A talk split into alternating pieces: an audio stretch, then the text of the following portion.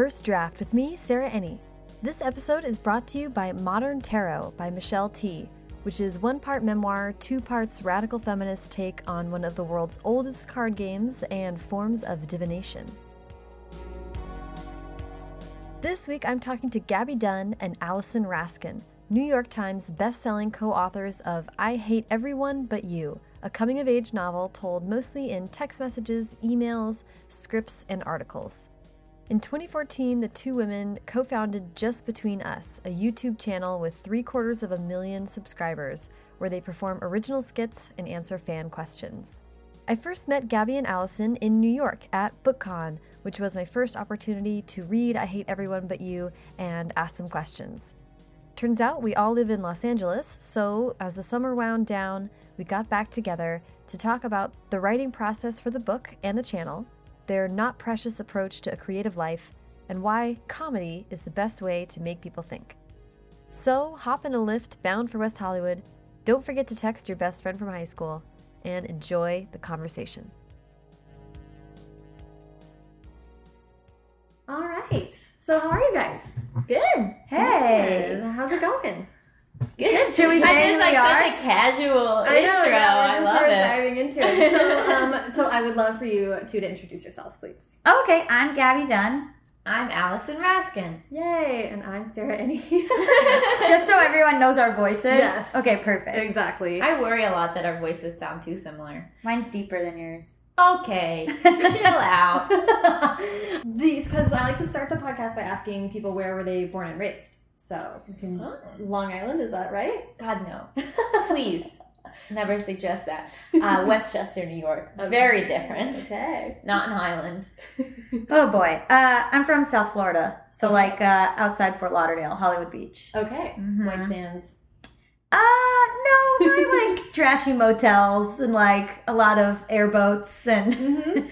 that sort of do you guys see the Waterboy? It's like that. Are there more alligators or crocodiles? Alligators. Oh God, right. Yeah. What a stupid question. No, it's a very um, it's a very hard question. Yeah. Yes, a lot of alligators, a lot of swamp stuff. Is the is it the Everglades or no? the Everglades, yeah, I'm close to the Everglades. And the Everglades is the only place in the world where there's both crocodiles and alligators. Hmm Whoa, why I've does seen 'em. everyone know so much about this other than me? you visited the Everglades? No, I just Oh. read weird, like it's a Trivial Pursuit question, I think, nice. and I just like locked that one in. Um, well, that is awesome. I want to get the kind of scope where you guys are coming from, and then we can talk about how you got into comedy and met. But um, I'd love to hear how reading and writing were a part of growing up for you guys. Oh, I was like a huge reader. I got my parents mocked me at my own bat mitzvah for being like too much of a reader. Like the entry, the joke of my like, you know, you enter at your bat mitzvah and everyone's like, cheers for you or whatever at your party. I, they like entrance joke was they were like, Gaby's stuck in a book again. We hate it, and that was like the mocking me at my own party. But yeah, it was like Who su- said that? my parents, like on the microphone. Did you walk out like pretending to read a book? Yes, Oh, that's a good. That's a good so bit. it was a whole stage thing. You Yeah. ran on it. I yeah, but it's still making. It's like being like you're a nerd before I really knew what that meant. Yeah, Mhm. I would like start reading the book on the way back from the library to my classroom and like walk into walls. Mm-hmm. So that's where I'm at to Yeah. this to this day. Walking Then I- and reading. Won an award. You still read a lot. I read a lot. Yeah, You have a Kindle now, though. Yeah. So, I, but I've still. I was one time walking down the street like a couple years ago in LA, and my friend was like, "What are you doing?" Like they were coming to pick me up, and I was just like reading and walking. You'll also like read and just gasp and make noises to yourself. oh well, yeah. a responsive reader. Of Yes. I love that. Someone the other day was talking to me about crying while they read, and I feel like that's you know, like I very rarely cry. I don't really cry. Yeah, I've gotten scared. Yeah. I like read Carrie and that, and I was like, oh, well, now I can't sleep. And I was Yeah. like, that's so weird. I've never, uh, I haven't been this way about like a movie in a long time. yeah, But Carrie scared the crap out of me. yeah. He really he does it. I don't know. Some the books It's very hit or miss. Yeah, It'll put Yeah. me in in moods. So like if I'm like reading a book that's like kind of messed up or like weird, like and then I have to go socialize, like that could be hard for me. Oh yeah, because you're in, I'm in like in your in, mind. I'm like in this strange world, and also just in general socializing is hard for me. Do you feel feel like I feel like I do that too. I get into I even had trouble with magazines for a while. I'd read long magazine pieces or I would get a magazine and just like compulsively read it from front to end and then look up and be like, Whoa, and it just felt like so weird, like I'd gotten sucked somewhere else. But it was also part of like an escape protocol for me when I was in middle school, you know, like reading What kind of magazines? Like women's magazines, which I Oh, actually then had awful. to stop reading. Yeah, Yeah. it made me feel horrible, but I like couldn't stop. You know, Yeah. it was a very weird thing. You were also like a writer too, right? When you were a kid, right? You were writing stuff. Yeah, I like went to this um summer program at Williams College like when I was 15 and until then I was like, "Oh, I have to be a lawyer because that's what people do." And I took this writing workshop and my teacher was like, "Hey, like you could just like be a writer." And I was like, "Oh." and then from that moment of being 15, I knew I would be a writer and never kind of I mean, I guess one time I was like, I'll be a shrink because nothing's working out. yeah. That was after having already gone to school for screenwriting. I had a like stalked for attention as a child, and I had uh in second grade there like the Broward County Fair would give out like ribbons, like awards for write for like.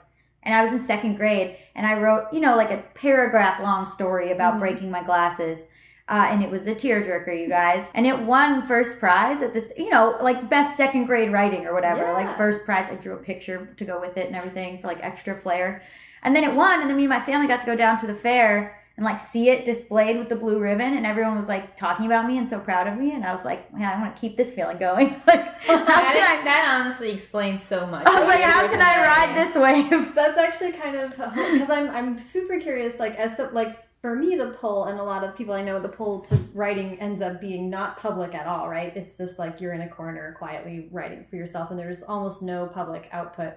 Or that was never the pull to it. But you guys are performers as well as writers, Mhm. and then that's a performative like. Oh, I stood next to it. I took pictures. I would just wait for other kids to walk by and be like, "That's mine. I wrote. I wrote that one. I don't know if you can Hey see." kid, what are you doing? Yeah, this one's me. Got blue ribbon. No big deal. It's like eight years old. That's amazing. Yeah.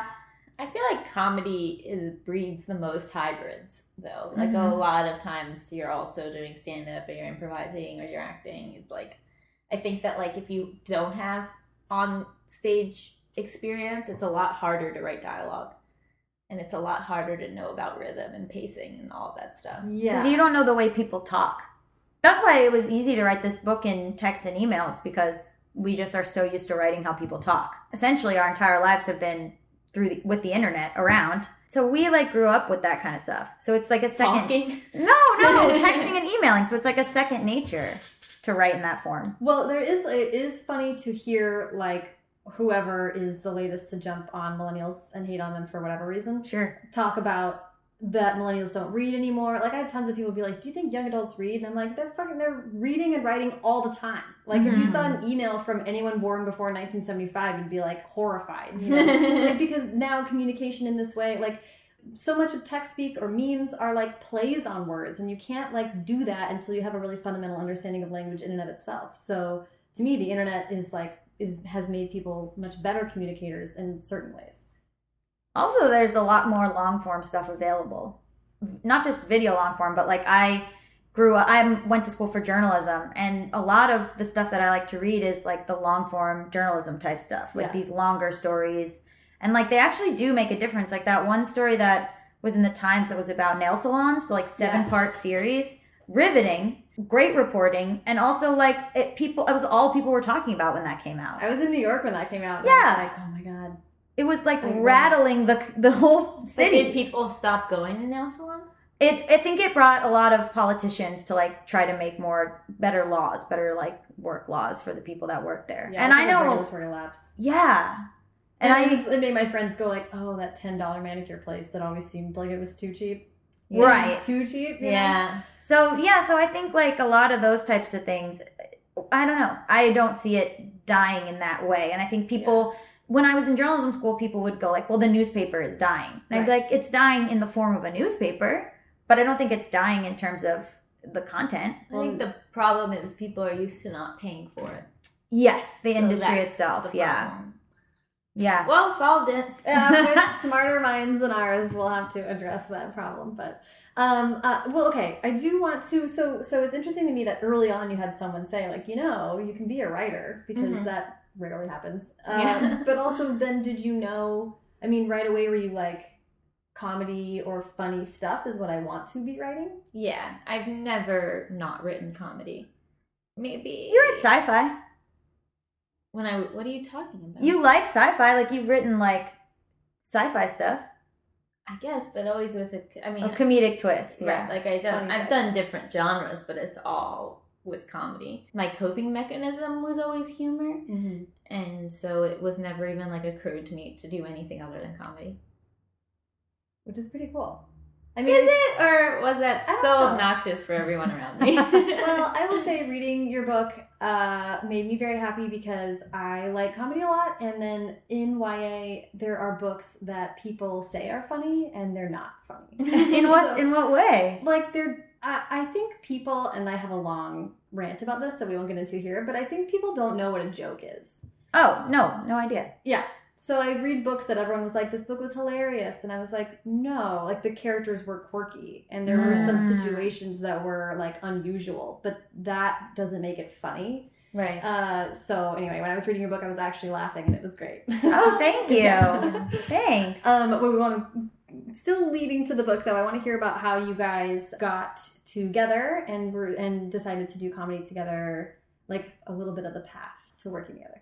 It wasn't very conscious. We met as friends uh, doing stand up, and then we just started working on a channel together. And we're like, what can we block shoot? Like, what can we do five episodes of in a day? Yeah. And so we did uh, this like advice show. And then after we had done the advice show for a while, and after we had worked at BuzzFeed and gotten you know some ex- more like ideas of oh what can video short form video be or whatever Right. Then we left and started doing both the advice show on Monday and then uh, like a full sitcom sketch thing on Thursday. And then that's kind of been running. Not as uh, they're like not not connected episodes. The episodes are sort of connected. There's a canon, definitely. Yeah, they're all standalone, but it's richer if you know the canon. Yeah. Yeah. There's a lot of inside jokes. But it wasn't like a con- we sort of just were going with like well now that we've left let's do let's do this. Now that we allison's a screenwriter i'm a journalist we always wanted to be writing stuff. So the goal of the channel was to write. So Yeah. either that's to write sketches for the channel or to write for television or like other stuff. So from the channel and other work we've been able to sell a bunch of television shows that haven't gotten made. So that's exciting. There you go. yeah. Um, I want to back up just really quick because to me it's really interesting though. I mean, you must have met tons of people who are in the community. Uh, You guys met at like an open, open mic, right? Mhm. So you meet a ton of people that way. But what made it feel like you guys could work together? It's a really different both like long. just had time. yeah like we were i had both just like willing to do it. I had just moved from the city, I mean, New York City to LA. Yeah, I think she and I were very different, but we both have a similar ability to follow through. We just do it. There's Yeah. a lot of people that you meet that go, Yeah, we should do something together, and they never do it. Mhm. But I think when either of us say that, we mean it. Mhm. And it just so happened that two people who mean it met each other. That's actually like yeah, more serendipitous than Yeah. it should be. yeah, because it's in especially in entertainment, there's always people who are you know are like, yeah, we should do something, but then they never actually make anything, or they say I'm a writer and they never actually write anything, or they say I'm a YouTuber and they make one video and they stop. Um, and she they make it and it's never good enough, so they never release it. Right. She and I have never been. I don't know if this is bad. I think we both are kind of just like nothing's good, so here you go. Like we're both just like who cares? Not who cares, but we're just making it. You have to make it the best you can be, and then you have to let it go. And I think she and I both have that in mind. You, I think I read an interview with you where you were talking about it doesn't need to be perfect; it just needs to be done. Yes. And I would say that doing this podcast has been the big, the biggest. Yeah, because you have to release it on time. It That's just has it. To be out there. It's got to be your out. job. I think so many people treat creativity as this thing that is magical and mystical and can come to you and leave you and it's like no like you have a deadline and you just have to do it regardless of whether or not you feel in the mood or And there's also, in terms of stepping stones in your career, you just have to get it done. Yeah. Like I've been learning a lot or reading and watching a lot more stuff by filmmakers who started like Robert Rodriguez and Tarantino and like how they started in the in the past and because I've always liked their work but I, I didn't really know their story or anything. Yeah. And a lot of it is just like they just took a, some very small amount of money and were like, let's make a movie. It'll probably be a shitty movie, Mhm. but we got to make a movie. And that, because that was the only way they could advance. And I was like, oh, it doesn't have to be this huge production. Mhm. You just have to like have something to show. And so that's like the channel is just a huge resume. Yeah. And from that, we use that resume to write books, to sell television shows, etc. Well, this, so it sounds like you're both the kind of people who mean what they say and follow through. But also, uh, two things. I'm actually a pathological. Good to know. um, you also are like driven. Mhm. You so it's interesting. What I think what I'm getting at is it seems like you work really well together, and we um, don't. we fight all the time. But that doesn't mean that's not. But we both understand that it's got to get done. yeah Like it's got to get out. So we argue all the time, but at the end of the day, it's got to go up on Monday. right. And I mean, arguing isn't necessarily the indicator of a bad working relationship. It's No. not like healthy arguing. It's not. I think now we work well together, but we didn't for the majority of this. yeah, it was almost like a married at first sight. Mhm. Like we got married, and then everyone was like, "This is so great," and we were like, "Is it?" And then we had to like learn to love each other. Mhm. Yeah. Do you think that you've changed each other's comedy? hmm I mean, she went to school for screenwriting, so there was a lot of structure Mm. stuff that I came in not knowing. Mm-hmm. and then uh, I went to school for for journalism. So I I had like a body of work, and I had done freelancing, so I understood social media, understood Mm-hmm. promo, understood like marketing yourself and like that kind of thing. Yeah. Because you always like to say when we met, I had ten thousand Twitter followers, and you were so impressed. Yeah, I thought you were really famous. Yeah. So and now I don't think you're famous at all, and you have like 120. right, one twenty nine. But thanks. maybe more by the time this comes out. But I'm just saying, like, and you you were like, why would I ever have Instagram? hmm So I think it's like there were skills on either side. Yeah, yeah, yeah. Well, that's a good combo. Mhm. so you got together and you're working together and you're kind of building this relationship. I mean, to me, it's really striking that you're talking about being two young women trying to like not waiting for an invite, like being really Mhm. proactive about what you want to do. Mm-hmm. Um, and where in there does writing a book come into it? Because that's not like il- aligned with necessarily the performance side of stuff that you guys are doing. We both have said this that since we were kids, we wanted to write a book. I tried to write a book when I was in third grade or second grade, and it was just about a girl who wins a trip to soccer camp. That was it. That was the whole book. Nothing much happens. I think you're using like a very loose term for book.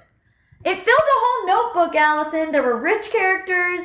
She went to DC. How many words? a place I'd never been. I don't know. But I'm you know what's interesting is I always am like, man, when I was eight, I just sat down and wrote a whole book. But now I would like be, it would take a long time. In my mind, when I was eight, I was like, done. I've done it. I'm a genius.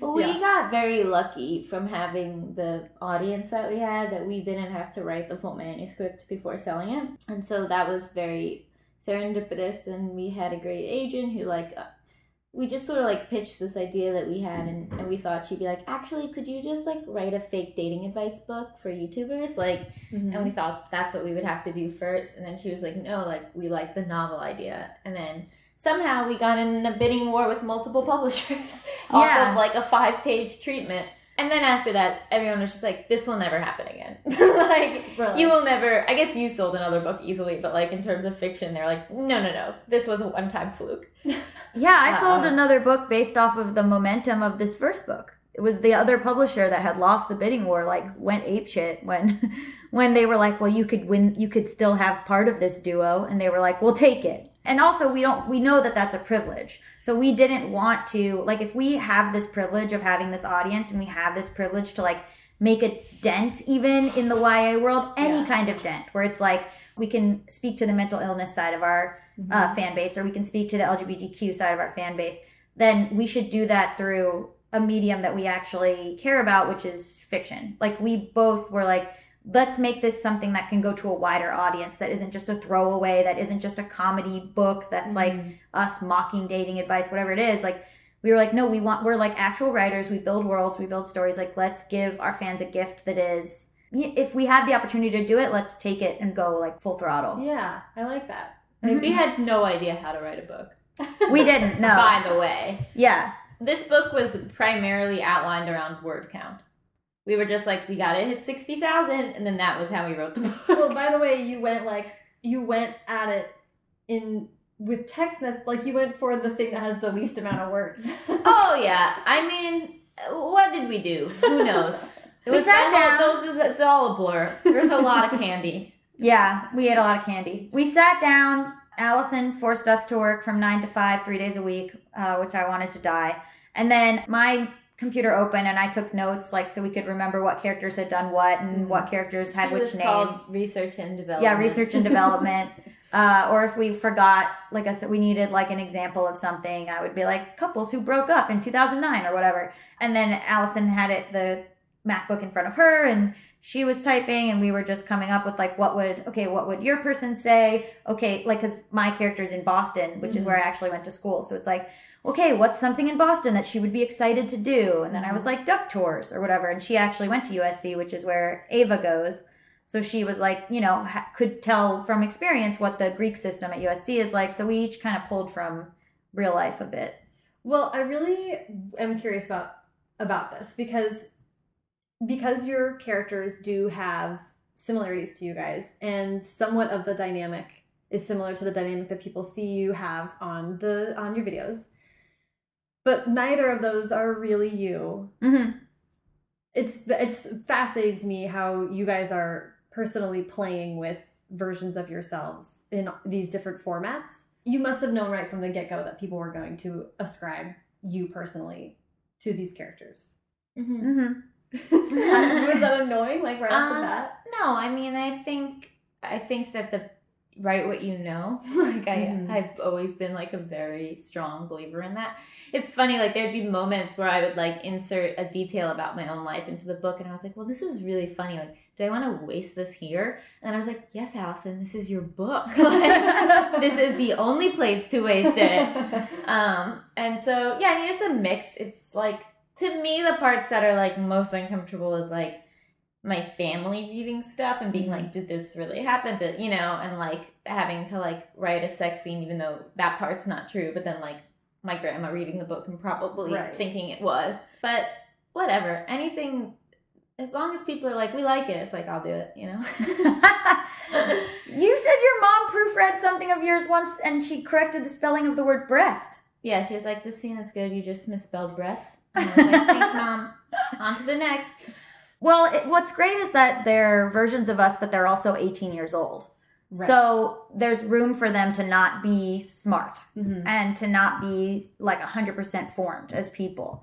Um, and so a lot of it we got to play with Allison's character not quite understanding the LGBT community, my character not being so nice about uh, mental illness. Like there's each character is is almost like not like a special episode, but do you know what I mean? Almost like, oh, well, this is the thing that they can be dumb about, and then what Right. you know, this is what they'll learn, and this is uh, an opinion that isn't 100% correct, but they're also 18. Well, that's what I'm starting to see already in some reviews is that some people don't like that they're not likable.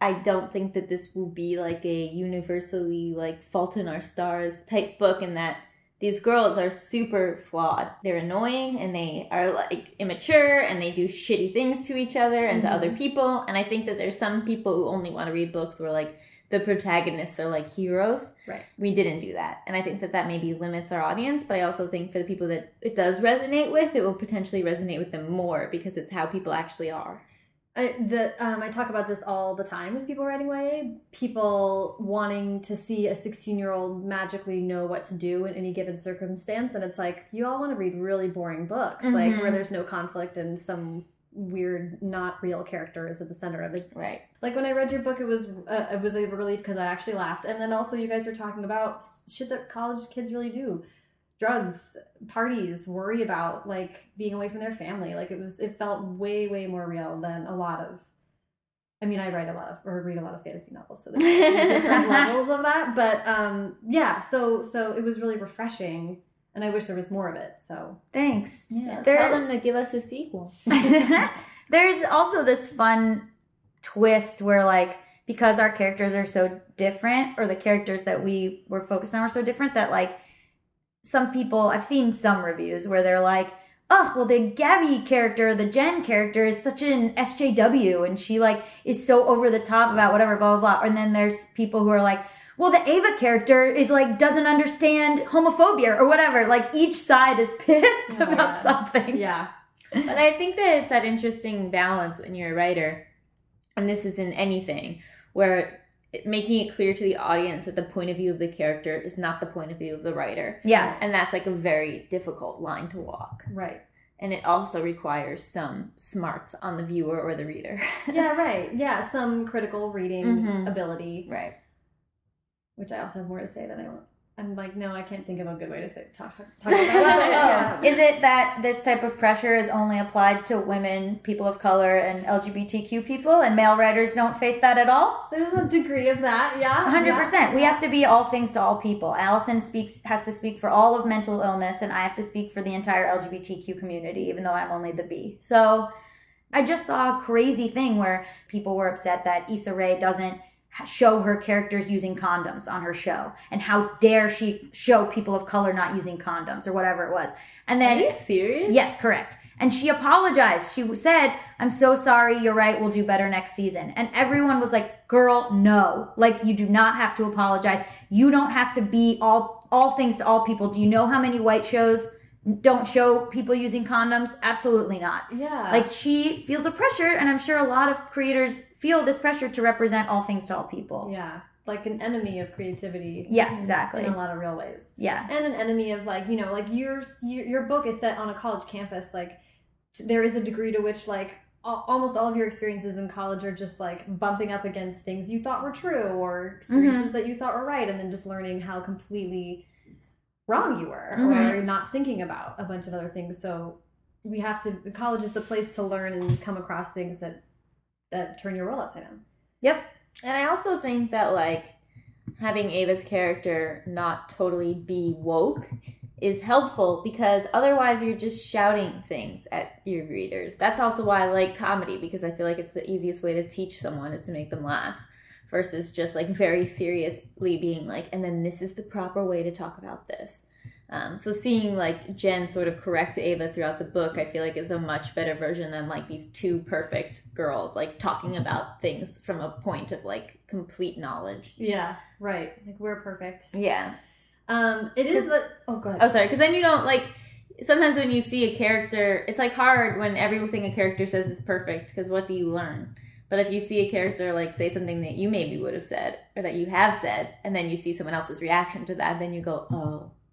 Yeah, and and the other way of saying that is what do you learn, but what do you relate to? Mm-hmm. You know, I think a lot of times people talk about unlikable characters and well, this character should have done this and should have done that. And that's coming from a place of like you like to think that in this situation you would act this certain way. And Right. Oh, interesting. making you feel uncomfortable to see a flawed person Mhm. do flawed things, even though we are constantly flawed people doing flawed things. Yeah, it's a mirror. Yeah, that's right. It's it's uncomfortability is like a mirror to what you are worried about. You have you've done in the past. uh, or could do or would do now. it's Mhm, like mhm. people don't want to think like you want to think you're going to be Katniss, but Yeah. like not.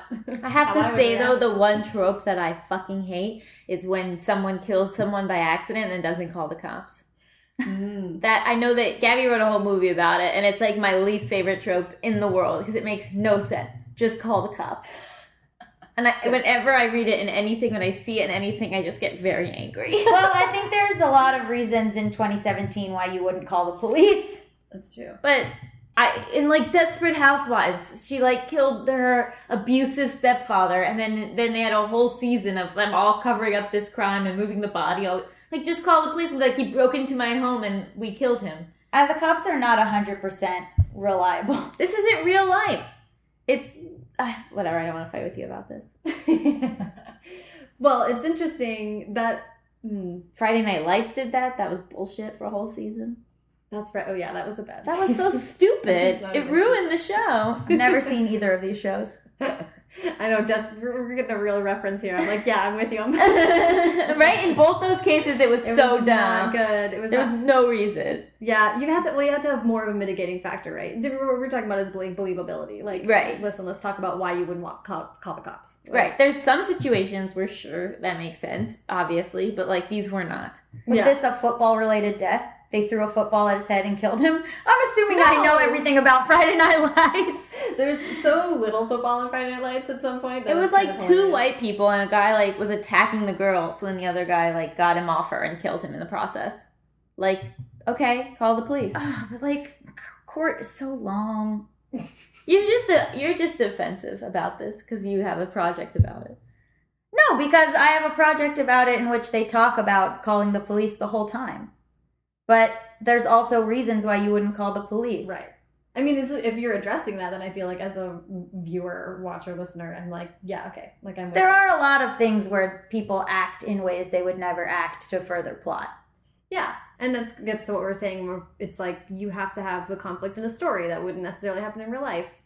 But that's um, like I feel like a lot of times in these situations, it feels so obvious yeah, that it's just there to be the conflict right, right, right. and not earned.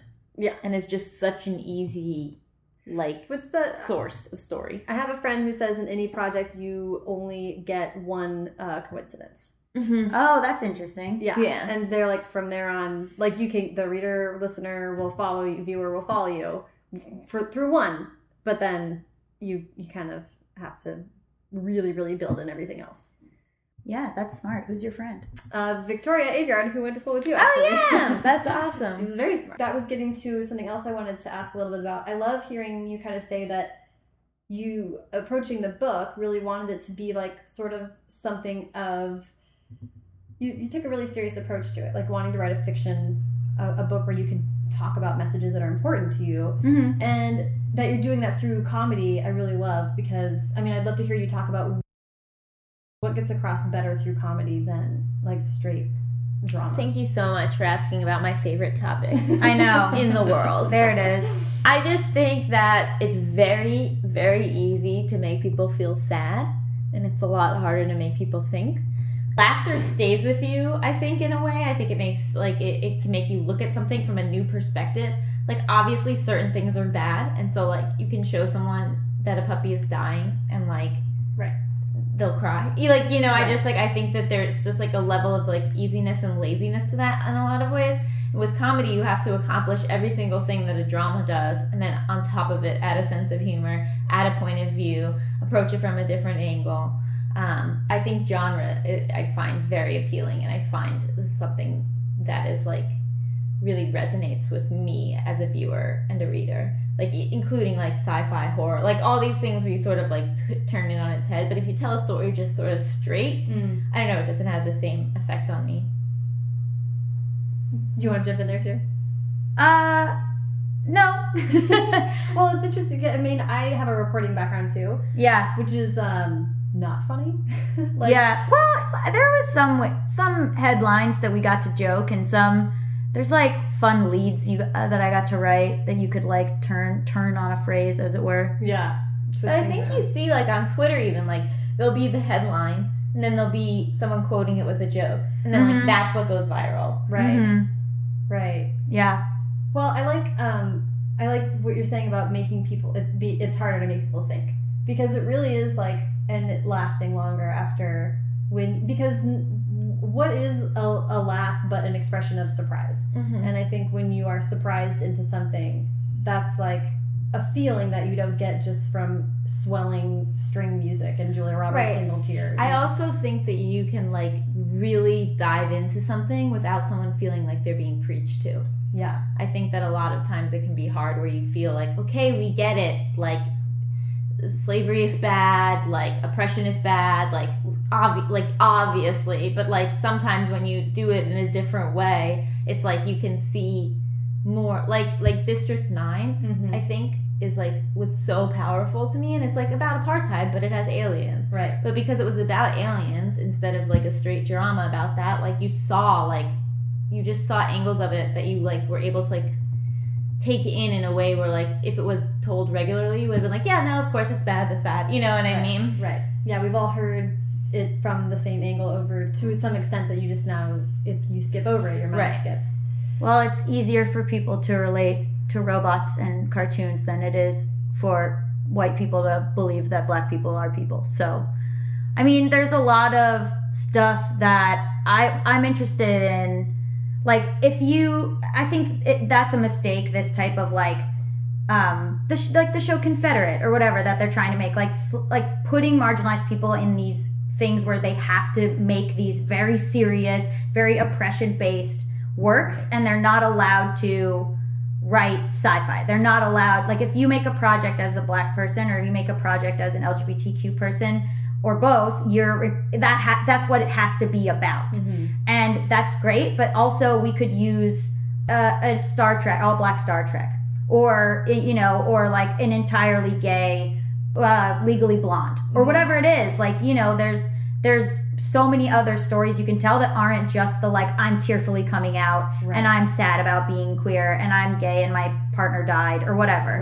Right, right, It doesn't always have to be this melodrama right. and that helps to humanize people that aren't white cis straight men too i mean and or you know white cis straight women it's it's it helps humanize the other other quote unquote because you see them out with their friends at the mall. Putting like black people on television and having them just be the characters of atlanta the characters of living single whatever it is putting them on television in like a way that isn't just like the slavery narrative over and over again or putting queer people on television and having them have full lives with queer friends and they're not just the side character or whatever it is uh, it has it's been shown that it has an impact. Like Which is what you were trying to do in this book, yes? yeah definitely. Yeah absolutely Which is awesome. yeah I, th- I didn't want to give jen this tearful coming out i didn't want to give jen any i mean her biggest problem is not that she's bisexual that's not even close to her biggest problem yeah. Um, I feel like there was an interview where you said her problem is that she's maybe too arrogant. very arrogant yeah super arrogant a lot of hubris Right. yeah Which I, which I personally related to a lot of going to college and feeling like you are, you're a big fish, small pond in high school, and then you're like, oh, people can't wait to see what I'm going to do in college, and it's like, no. There's now twenty thousand other people just like you who also got in. Um, so that yeah, that was. I mean, and her going into the school paper and all that stuff, I like loved it.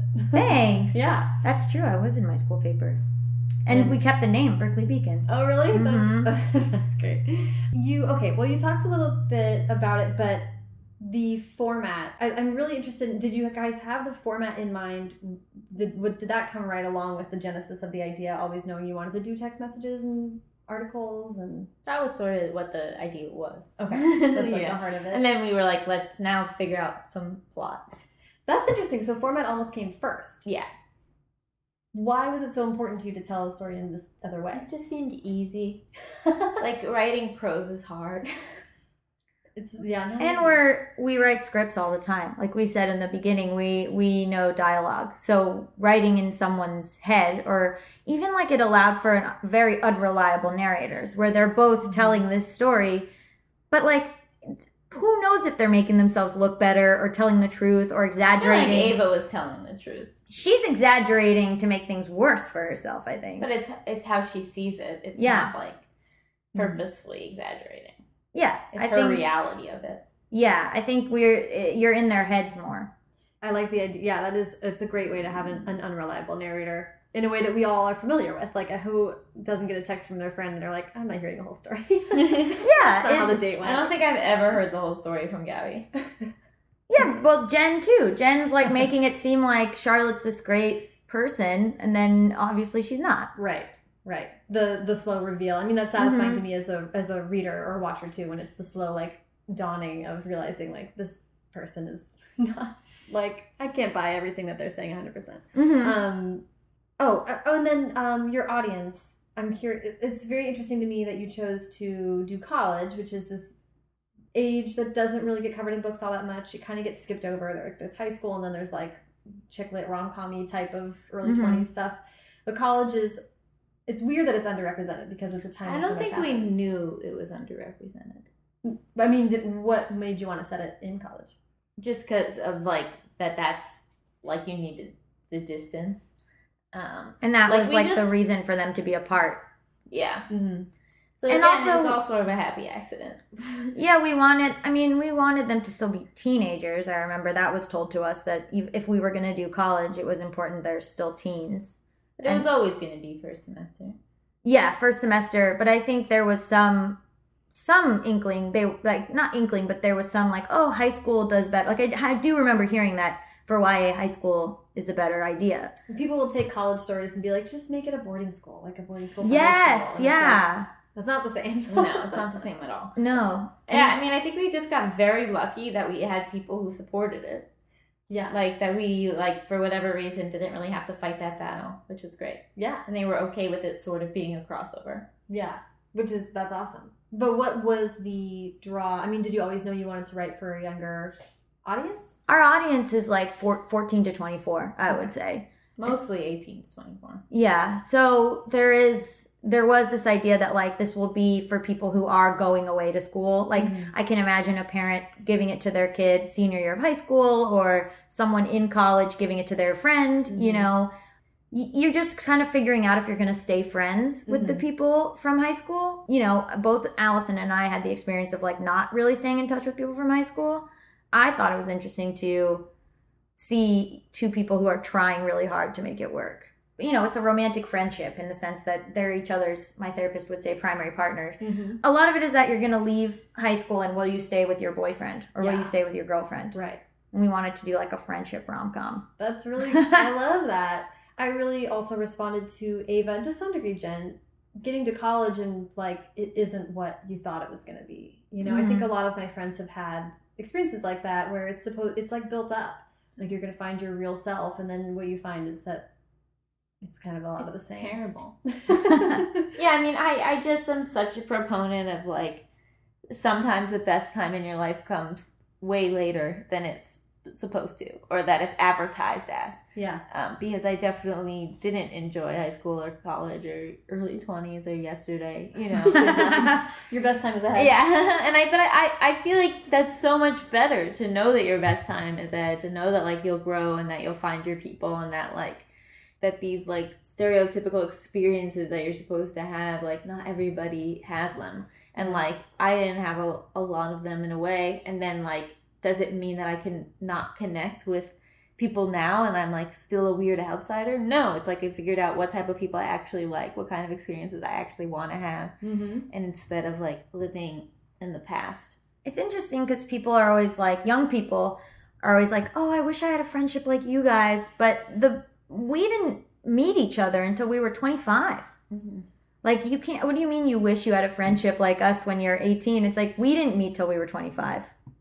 Don't don't rush it. Don't worry about it. I think this is tapping on something that I've been thinking about a lot lately, which is the which is what you think life is going to be like when you are younger. hmm There's a lack of um, positive reinforcement about getting older, and like you Mhm. don't have to do everything right this minute or have all the answers. Like I definitely felt pressure to be doing all the right things, and like and felt like I was already behind in this really weird way where I think what you guys are doing with your channel and what YouTube is doing largely for um, the generation of people like just below me is showing a lot more of like the flaws and the, Mhm. the benefit of getting older and learning and not putting so much pressure on yourself, which is like an unbelievably nice message to be sending to young people. Like, give yourself a break. Yeah, Jen, the whole book is trying to be an adult in some way. Like she's drinking the whole time. She is going to restaurants and drinking. She's like wants to be in a relationship with this older woman. Like she's she's trying to posture as this Mhm. thing that she's not instead of like allowing herself to grow up. She, well, and it's and in the book and that time of life is a lot of what you think you're supposed to be doing Mhm. or how you are supposed to feel or look or I mean, Right. sorority taps on that too like Yeah. Ava's doing a little bit of a dance and then sort of maybe even uncomfortable with how much she actually does buy into it Definitely, and I, I mean, there is an interesting article like a couple of years ago about this shift from like the cool older sister figure to like the awkward older sister figure, and how like now people look to like an Amy mm-hmm. Schumer, Jennifer. I mean, Jennifer Lawrence is a weird example because she's so beautiful and cool, but like you know, like someone who like falls down on the way to get their Oscar, Right. and like Issa Rae and Insecure. Like I think that that's Mm-hmm. that's much more like the relatable girl now, Yeah. which is like very refreshing. We were mentioned in that article. We were mentioned in that article. I'll link to it. I'll link to it. I do show notes where I link link to everything we talk about. So I'll yeah, it include was about wanting awkward older sisters. And That's they mentioned YouTube too, Grace Helbig and us. Yeah, so Yeah. So great. And so relate and like this is what we're talking about. Relatable in not like It's not aspirational, it's Yeah. relatable. Mhm. Yeah. Which I think is like kind of more of a relief because a lot of times, almost all the time, you have good qualities too. You don't have all good qualities, but you have, you know, so then in someone like that, you see your good self and you see your bad self, and you see Mhm. what you need to work on and you see what you should be proud of and all of that. the audience for young adult is I think they're pretty ruthlessly in search of authenticity. I think that's why I'm so hung up on the idea that you guys play versions of yourselves because so much of YouTube is like literally show your zits, you know, like Mhm. it's like this, which is you know there's a place for that, but you guys are definitely trying to do something different um, because you're writers and you're actually making something that isn't just a confessional video series. But I think it's funny that it all gets blended together. Like the reason people think you're really those characters is because there's so much of people just unvarnishedly putting themselves on the internet. Well, that's, I'm I'm interested in like as I said before, like there is this aversion to the the characters being flawed, but it is mostly older readers, and I'm curious like once more teenagers and college kids start reading the book, if like if they'll feel that way too, or if Mm. they'll appreciate that. because they are used to seeing warts and all. And on our channel too, like we we are able to do the Monday shows, which are a little bit are like exist in a different universe, let's Mhm. say, than the Thursday shows. I'm always surprised when people think something in a Thursday show was real, because that's very clearly like a scripted thing. Right. I'm surprised when people we actually know think that we're roommates. I know, That's very weird to me. right? yeah, because I was Because the internet's real. Everyone thinks it's real. Yeah. But if you actually knew us at all, you know that I would have murdered you night three. um yeah it's it's all it's very it's very interesting to me and then when you get into fiction and you're you're very obviously constructing these fictional characters but what i'm obviously mentally just like working through and probably will end up writing in some way into a book is just this weird separation from reality or like everything is real or nothing is real like we're sort of Mhm. looping around on that in this odd way um But anyone would write a book. It just so happens that people know things about us, so Yeah. they think it's real. But anyone in the world writes a book and it's based on some true stuff and some not true stuff. yeah Even if it's sci-fi. which character is me i'm like no. Yeah. like even if it's sci-fi, you're still like, oh, maybe there's a feeling someone gave me in real life that I put on this alien character or whatever. But because they they know us and because we did make the characters G and A, yeah uh, then they're like, well, what's real, what's not? And it's like a, a lot of it is and a lot of it isn't. But Mhm. any book is that way. it's almost a little bit easter eggy for the fans Mhm. that, that are really really like true blue fans for you guys yeah. Yeah, definitely. We mentioned the YouTube channel in the book. Yep. It's like so masturbatory.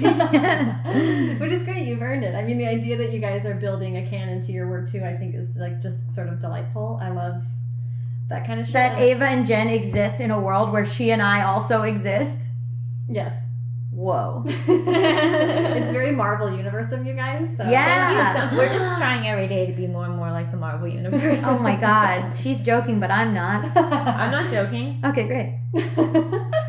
um, talking about the Marvel Universe and what you guys are building. I mean, I was reading a bunch of articles with you guys, and all the stuff you're working on is so interesting. And you're, but you're really like, um, very driven professional women who are like building something. Like, it was just like refreshing. Can I just say, I can't believe that you did so much research, and I'm very impressed. Most podcasts are like, "Who are you?" no, I'm in it. I have the reporting background, so Ah, I, I appreciate it. I never show up without doing. Um, the but but um, and I talk I try to talk about this on the podcast as much as possible because there is a degree to which creative people it's like you're just supposed to wait for the muse and then like if it happens you have to be like self-deprecating about it or something. And it's like especially for young women like fuck that we're like working really hard Mhm. and we're we're trying to build something and we're constantly hustling and like I want to talk more about that and how how you approach that and how you're thinking about where to go from here. I mean, books are just a part of a lot of different things that you have going on right now. Yeah, we'd love the book to be a movie. We'd love for it to be a TV show. We always kind of think of stuff in terms of IP, like intellectual property. So, what what's the next step for this? Or, you know, okay, we wrote it as a as a movie script. Is there a digital aspect? You know, there's like Yeah. there. I think you you kind of. I think a lot of times I see friends of mine or or people like be like, it can only be this. And it's like, nah, man. Like it's it's a flow. It's an idea. It be, now, what is it? When it? When, how does it look this way? How does it look this way? Um, and also, there's a lot of failure. Like I, a big thing for me is when people. I used to say this when I freelanced, is that I would be people would be like, "Wow, you got an article in Cosmo," and I'd be like, "Yes, I got one article in Cosmo," and then you didn't see the 15 pitches I did to other publications that got rejected, and then you, I, and then it took a long time for me to be like, "Oh, like I, I'm allowed to be excited about the one that got uh, like that got accepted except i would not even experience the joy of what got accepted Right. because i knew like whatever everyone's happy for me but i'm a fraud because 14 pitches got rejected but it's like you just have to like keep keep moving on the stuff that like is actually happening and Yeah. not what happened in the past or whatever I also think it's so important to have multiple things. Like if you have one idea and that's your idea and you work on it for years, like oh my god, devastation of that not moving forward. Right. But like we're always on to like the next thing by the time the first thing's rejected, which is most of the time. like right now, like I'm we have the channel, we have the book coming out. I have two half hours that are being developed and sold at some level. I'm a, a narrative podcast and a web series and like who know oh and a feature that I'm trying to get and a short film. Like you Yeah. just have like I every single one is like a totally completely different project and like I'd be so happy if any of them led anywhere. Right. But like, oh my god, imagine if I just had one. Right. Yeah, That's or- terrifying. Yeah. I love going back and looking at script and being like, what's this? Like, when did I write this? What was this? Like, just because you need to like finish it and then immediately forget about it. Right, and not be married to it in this way, or be. I mean, I like what you're saying is that you look at one thing that you do and think, of, and this is a freelance lifestyle Mhm. thing anyway. You have to look. It's like you're. Um, what's the adage? Like you have, if you have an idea, you have to be able to sell it three different ways, Yeah. and that's like how you can make a living as a freelance artist. So Yeah. looking at one one project or one idea and being like, what are all the different variants that can spin off of that, or what am I interested in that's the heart of this, and how can that be something else? I worked for multiple publications, full time jobs at these web at these blogs where you had to produce three articles a day. You had to. Did you have three ideas? Are they all good? Did you like? It, it, it doesn't matter. Like I would have long form pieces that I would be working on, and then I would go, okay, I, that's a long form piece. It's going up. That's amazing. At the end of the day, I still got to have two more articles. Right. You know what I mean? So, and they were a, lot of them are trash but like maybe every so o- there's one I wrote that was like really good, and it's in the year that I worked there, Mhm. and people still tweet at me about it and reblog it, and I'm like, yeah, that's the most I could hope for. Right. Out of a year of just vomiting articles onto the internet, that one super resonates with people, and like after five years, like still does. I'm like, great, that's the best I could fucking hope for. That's pretty awesome. like and so any that's yeah any pro anything that you do not just the one idea but she's right about like having just a billion ideas things going on at the same time. Um, and there's two thoughts I have based on that as well, which is it relates back to what you're saying about it doesn't have to be good, it does have to be finished. Like Mhm. uh, starting something and failing and abandoning it and moving on is like some people that's like death. it's like Yeah, You you, can just have- can't. You can't have that approach. You're not meant to do this if you can't handle that. right. Like you have to. I mean, I cry all the time, and like I, I'll be at dinner and find out that like our FX show is dead, and like just keep eating dinner. Mm-hmm. like at the beginning, it was like much harder, and like the first blows are like hit you so much harder, and then you build up a thicker skin. i was at disneyland when i found out and we then found, i we found out about the MTV show at Disneyland and the FX show at Disneyland. both at disneyland Yeah. Oh no. You And then- Stop going to can't Disneyland. anymore. but both times i had to stay at disneyland Yeah. so as to not be a buzzkill to other people and you just put on a what do we always talk about that Katy Perry documentary where Oh, she's yeah. hysterically crying and then she rises up the stage and immediately starts performing Whoa. Yep. Yeah, that's I can't think of a more powerful image, and I actually never saw the documentary. Really? yeah, just like hearing about that, I'm like, that's the most powerful thing I've ever not seen. um, and the other thought I had based on that stuff was specifically, you guys have both grown up in improv comedy Mhm. developing, and to me, I am uh, really fascinated by improv. I love watching it, and I and it's something about that is like really creatively energizing to me. But it's I think partly because it is like fly by the seat of your pants, don't get married to any idea, move Mm-hmm. move along with some like read the room and don't cling to something that's failing Mhm. you know it's like a lot of these lessons are sort of like ingrained But that's sort of what I was saying in that like every type of comedy I do helps with basic writing. Like with improv, it's like yeah, like exploring and like being more creative and like that element of surprise. And then with stand up, it's like word count and the, how to get to the joke the fastest and how to know when people have lost interest in this Mhm. way. And also like what is actually interesting to you and like what's your voice and For me, improv was a lot of when I did improv in New York, it was just something that held me accountable. I had to be at a certain place at went on Wednesday at 8 p.m. every like if I was tired from work, whatever. I had to and then you know, you had rehearsal on Mhm. Sundays and so this was the thing that like I had to like Sunday, Wednesday carved out. You had to perform even if you weren't in the mood to perform. right creativity because it's your because job. you have to. Yeah. If you don't feel funny that day, you still have to do it. that this is making me think about in writing the book of voice and developing the voices that you wanted to explore how did you did you split up the characters were you both writing both characters how did you edit in that process like i definitely do want to know some of the nitty gritty about it I typed the whole book and Gaby sat next to me during the whole thing. Mm-hmm. And we just talked over what we wanted to happen next, what we wanted to do, what we we didn't go back and forth. Like we didn't do like, oh, I wrote this part, then she wrote that part. mm-hmm. We just were sitting next to each other and eating candy and listening to one that song "Summer in the City" over and over again. Amazing yeah, I mean, also we write for each other all the time, so we write each other's voices on the channel. Mhm. So I have to write jokes in Allison's voice. Allison has to write jokes in my voice all the time. So we kind of have each other's voices in our heads, weirdly. that's very interesting Yeah, and she knows my flaws, and I know her flaws. So she Right. she knew if she was writing something for Jen, she knew that Jen's whole thing was arrogance. She's mad about people outside. She's mad about Jen's arrogance. so that's not really very different from how it is to write the show together. We've never written together until the book, really.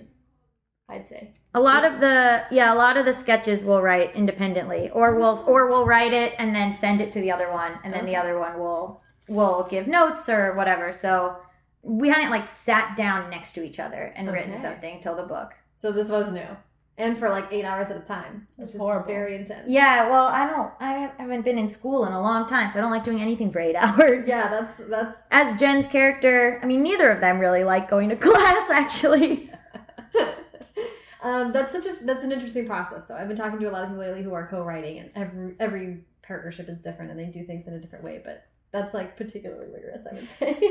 I'd say we're not. Just I guess in the book we're co-writers, but in everything else we're not. We write separately. But for the same project, I mean, for the channel. yeah, we'll write separately, and then and then for the channel, and then give each other ideas or whatever, or we'll brainstorm. Like I'll I'll be like, "Is this a good sketch idea?" And then Allison will be like, "No, what about this?" Also, like for writing in terms of like TV shows and scripts and movies and stuff, we have our own projects. Like Allison has her own feature script, I have my own feature script. We each have our own TV show stuff. And then the shows we've done together, a lot of it is like story by us, and then Allison writes the actual show. Interesting. That's Yeah. really cool. Yeah. I mean, I've been, and this is something I see a lot in the comedy community, and what I've been talking to my writer friends about is the idea that you find. I think in some cases you find people who make you funnier or who you write with, and it enhances what you're doing. And like it's like sort of groups of people will like like improv troupes, right? Will Mhm. like rise up together and then be doing their individual stuff. But if it gets shots, then everyone helps, and you kind of Mm-hmm. it's sort of this community rising tide principle that I think is really awesome. And I just try to advocate for it with my friends, basically. Let's all fucking do shit together and Yeah, or or give you know give someone um, a quote for their book or you know make a little video promoting somebody's web series or whatever it is like it, it everybody kind of knows the, the game and the deal Yeah, but it's building community, and it's Mhm. like other people who are going to be interested in your work or want to help you or think of you when they have something cool that they're doing. Mhm. It's like not as, intu- as intuitive as uh, I thought it was for other people. Steph, I don't know if she, she didn't make it, but Steph Beatriz, who's an actress friend of mine who's on Brooklyn Nine Nine, she has this GIF that's pinned on her yeah Twitter that's just like ladies helping other ladies, and it's just a never ending GIF of like different women lifting each other up, and then they get lifted up, and then they lift someone else up, and they lift someone else up, and I was it's like so cute. It's a little cartoon, That's and I love it. There's uh, something called the Shine Principle for the Call Your Girlfriend podcast. They, I think, have coined it that it's the Shine Principle specifically applies to women helping women. So it's Oh, that's great. yeah. Um, thank you guys so much. We wrap up with advice. So I did want to ask just a little bit about writing advice.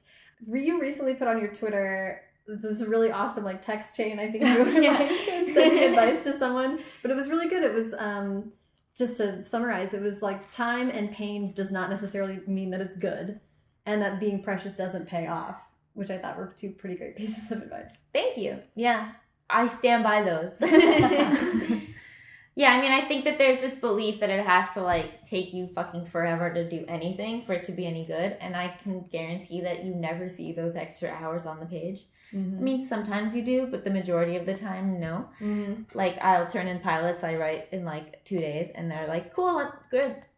Like, here's your notes. Like, Yeah, it's not, you know, like sometimes I've honestly held on to stuff just so people don't realize how fast I wrote it because there's this big misconception that it should be Yeah. strenuous and hard. Um, there are projects where like it is really hard and it takes fucking forever, and then it's like the worst thing I've done. you know? right, right, right. And so I just think that it's like, I think it's quantity over quality seventy percent of the time. Well, and doing and finishing anything Mhm. is going to help you improve, right? Absolutely. Like starting the Great American Novel 700 times and never finishing it is not going to help anyone. And your first few scripts are going to be terrible. So I'm really glad I got rid of those early. Mm-hmm. Yeah, exactly. Yeah. I mean, I was so stressed and so worried when I was in my early 20s because all of my friends were getting Urban Outfitters book deals. And I was the only person in my group of friends who didn't have one. And I would like cry about it and rage about it. And I was so upset and I felt so maligned. Now I'm like, oh my God, I had no idea that I would have this big platform. And anything that I wrote in the past, w- I mean, it would have been horrible. It would have been embarrassing. It probably would have been like, in it, not um, social justice in a way that I care about now. So like I would have to go to every bookstore and burn it. Like I w- and so like in a way it was such a blessing because I wasn't ready. Mm-hmm. And you just can't like I used to get so worried about aging and now I'm just like my 30s are going to be dope. Like there's no rush to finish to to make the first thing you write the best thing. Mm-hmm. I love that. Do you guys have any advice for people writing comedy or trying to be funny in book form, which is not actually that easy? Punch up. Punch up. we didn't do that. What do you mean? Yes, we did. We don't like make fun of people who are marginalized Oh, I book. thought you meant punch up, like do a pass where you punch. punching. No, I mean punch up instead of punch down Oh, okay. for comedy. Wait, can you define? Because I don't know that everyone knows what this term. oh, is. punch up is like when you go through and do a whole pass where you're just alt doing alt jokes to make it funnier. Oh, That's you what thought of thought it in that a, you thought of it in a script way, and I thought of it in a social justice way. I'm shocked. I know. that is pretty perfect. I love that. Um, you guys are so great. Thank you so much. Thank you. Thank you so for having us. You're the best.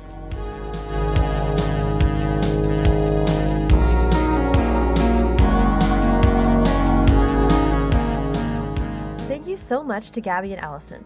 Follow them on Twitter at Gaby Dunn and at Allison Raskin. And follow me at Sarah Enni and the show at First Draft Pod. You can follow the show on Instagram and Facebook too, but for links to everything Gaby, Alice, and I talked about in this episode, as well as a searchable archive of previous interviews, and to sign up for the First Draft newsletter, be sure to check out firstdraftpod.com. If you have any burning questions you'd like to hear me and or some author friends address, please send them over in an email to questions at firstdraftpod.com. And if you like what you heard, please leave a rating or review on iTunes. Every five star review makes me feel like I'm doing my job as an awkward older sister figure. Thanks to Hash Brown for the theme song and to Colin Keith and Maureen Gu for the logos. Thanks to super intern Carter Elwood and transcriptionist at large Julie Anderson. And as ever, thanks to you, feminist icons who mean what they say, for listening.